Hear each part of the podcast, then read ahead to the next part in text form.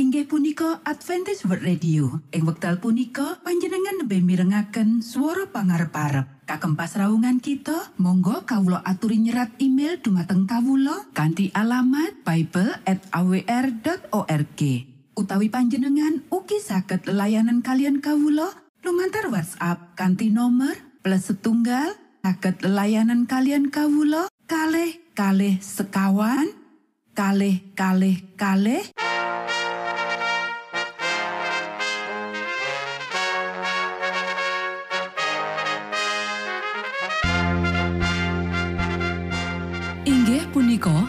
Adventist World Radio ingkang giaran kanti basa Jawi. Tentrem Rahayu kula aturaken kagem para mitra kinasih ing pundi papan lan panggonan. Sugeng pepanggian malih kalian Adventist World Radio. Kanti bingahing manah Kulo badhe sesarengan kalian para mitra kinasih lumantar saperangan adicara ingkang sampun rinonci mligi kagem panjenengan sami. Mugi giaran punika saged migunani tuen dados berkah kagem kita sedaya. Sugeng midhangetaken Gusti amberkahi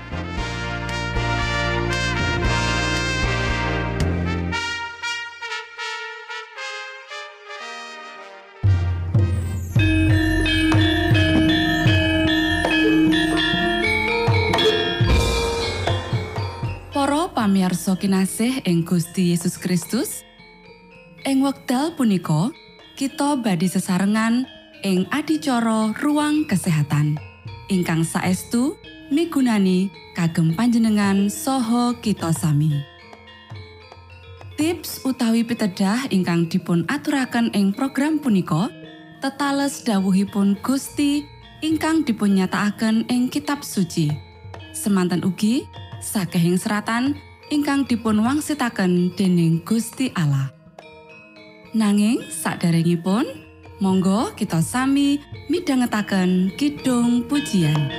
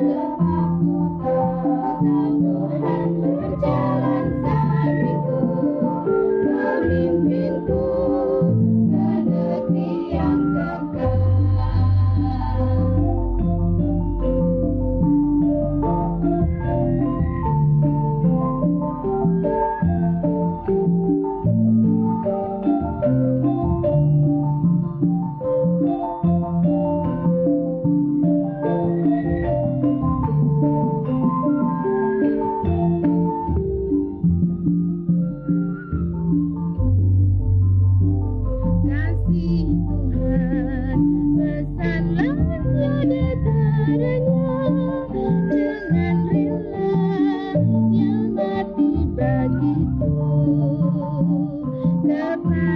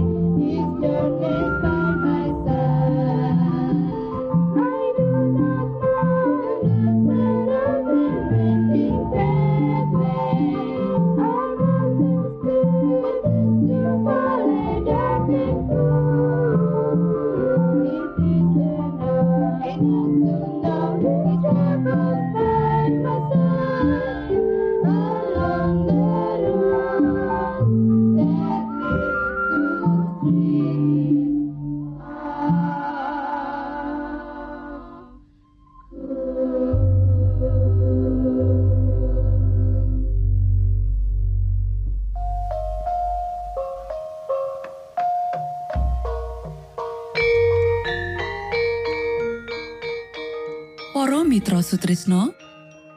Puji syukur dumateng Gusti ingkang murbeng dumati ingkang sampun kepareng paring wewenngan kagem kita. Satemah saged nglajengaken ruang kesehatan. Pirembakan kita semangke kanthi irah-irahan. Piwulang sing patut dibaleni.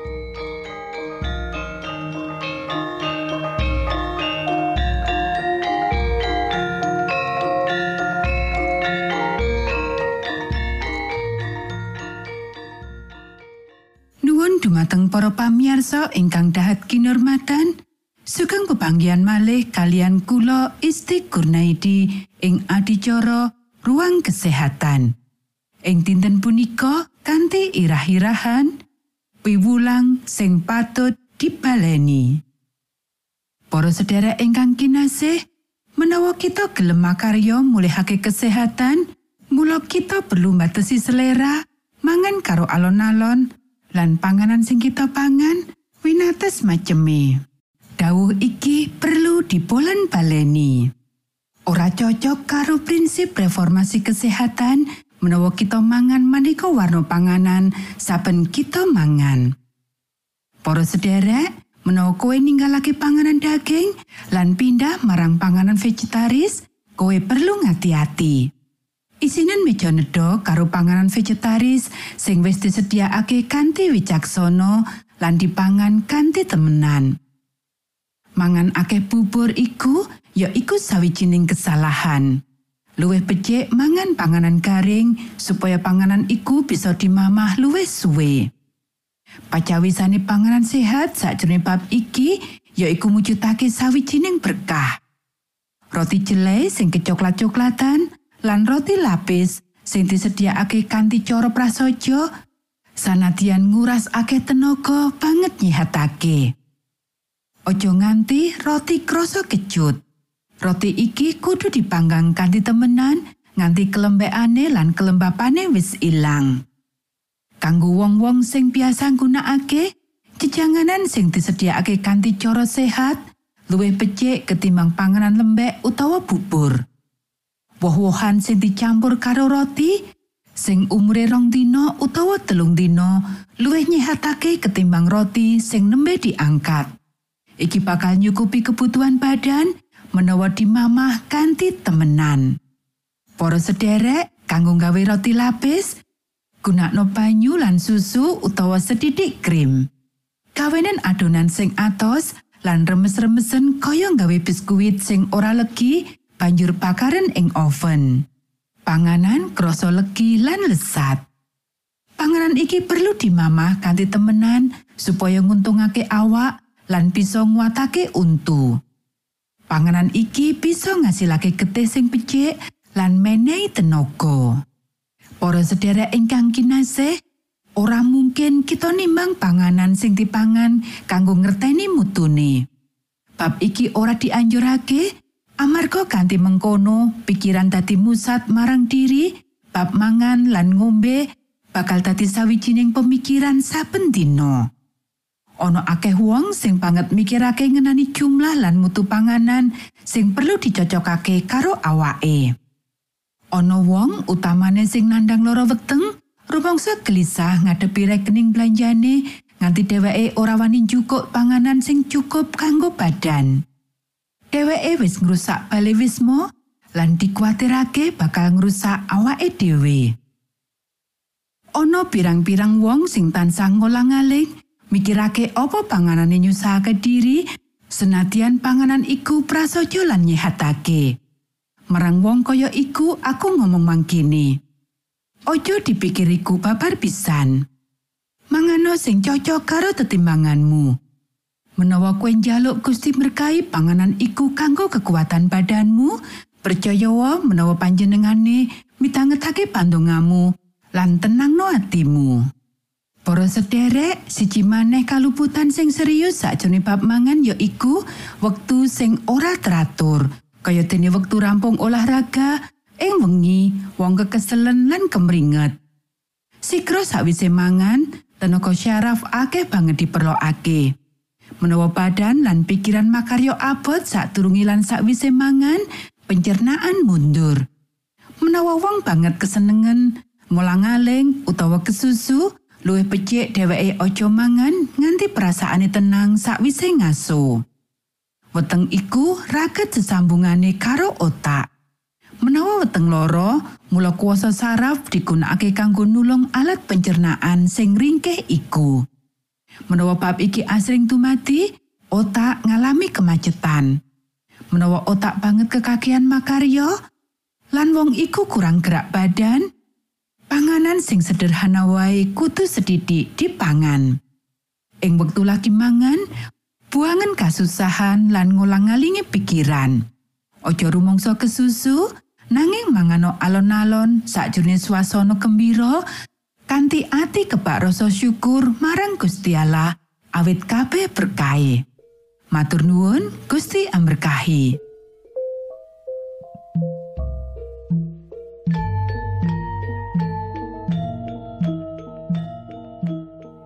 Cekap semanten pimbakan ruang kesehatan ing episode dinten punika. Ugi sampun kuatos jalaran kita badhe pinanggih malih ing episode sak lajengipun.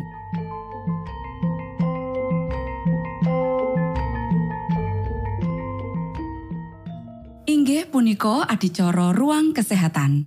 Menawi panjenengan gadah pitakenan utawi ngersaakan katerangan ingkang langkung, Monggo Kulo aturi Kinton email dateng alamat ejcawr@ gmail.com utawi lumantar WhatsApp kanti nomor 025 pitu 00 songo songo papat 00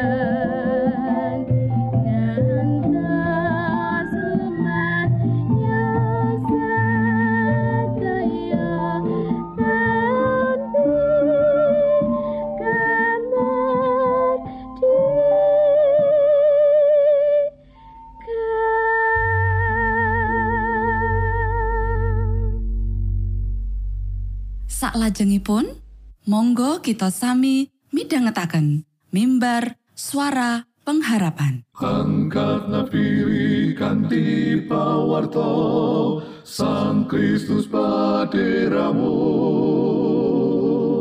Pro umat samyo puji asmanyo Sang Kristus paderamu Inggih punika mimbar suara pengharapan.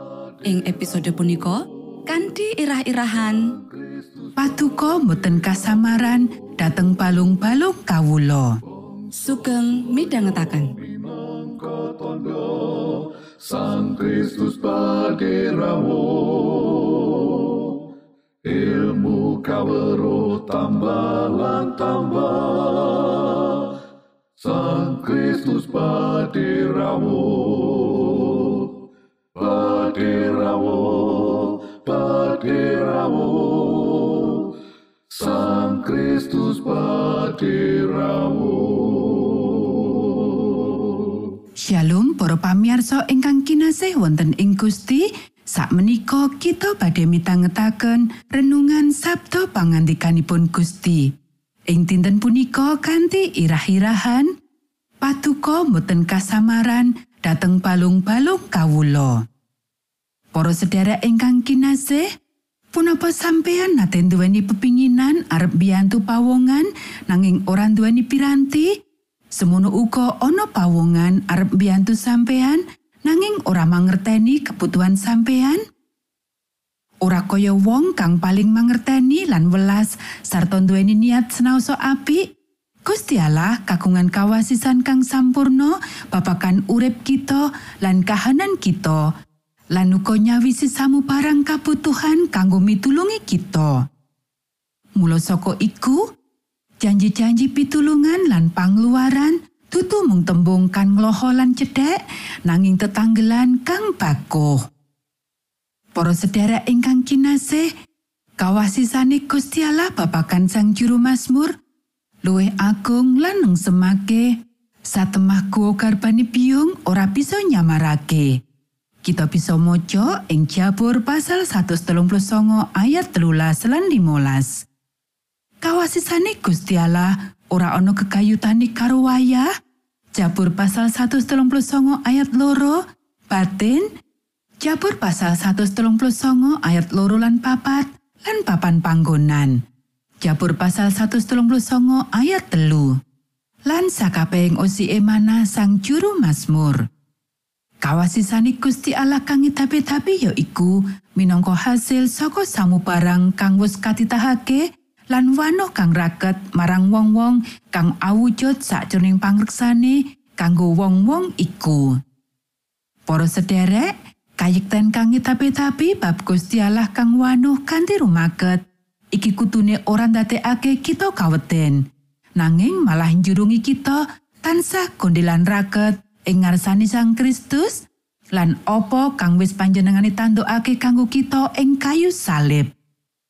Awit saka iman marang Gusti Yesus wis kaparingake marang kita kabenerane kabeneran Gusti Allah kuwi dhewe.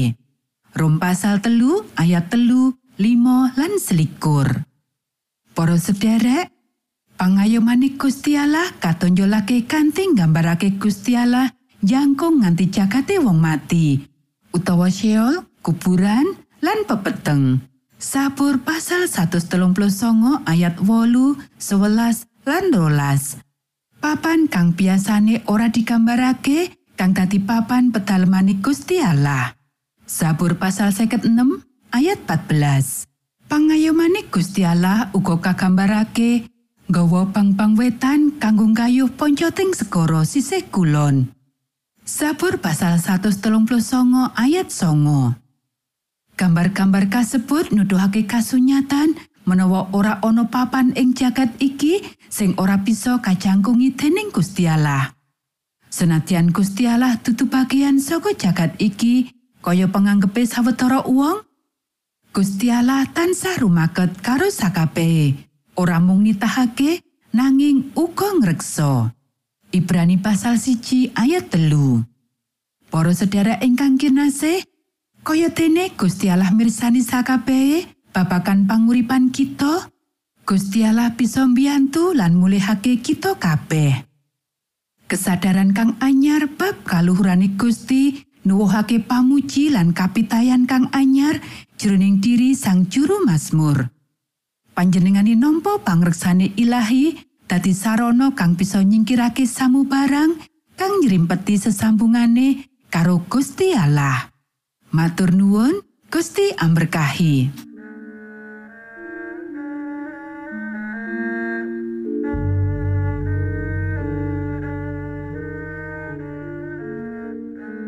Para Mitra Sutrisno pamiarsa kinasih ing Gusti Yesus Kristus sampun paripurno pasamuan kita ing dinten punika.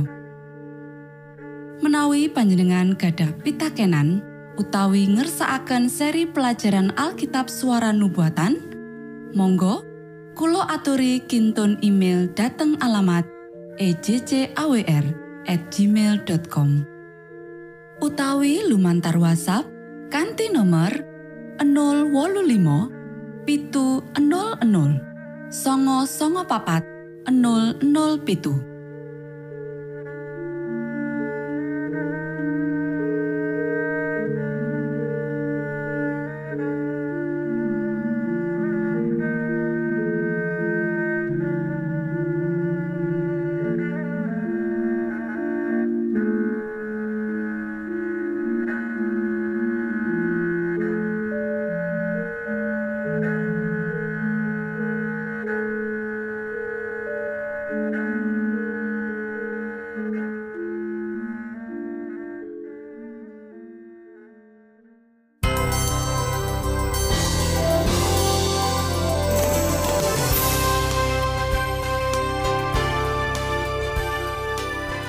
Matur nuwun kagem wektalipun kita badhe pinanggih malih ing gelombang ugi wekdal ingkang sami.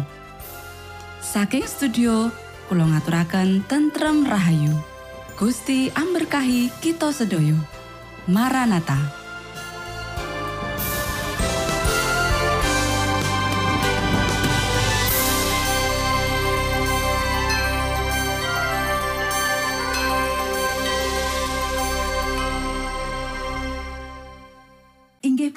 Adventist World Radio. Ing wekdal punika panjenengan lebih mirengaken swara pangarep-arep. Kagem pasraungan kita, monggo kawula aturi nyerat email dumateng kawula kanthi alamat bible@awr.org. Utawi panjenengan ugi saged layanan kalian kawula lumantar WhatsApp kanthi nomor plus setunggal saged layanan kalian kawula kalih kalih sekawan kalih kalih kalih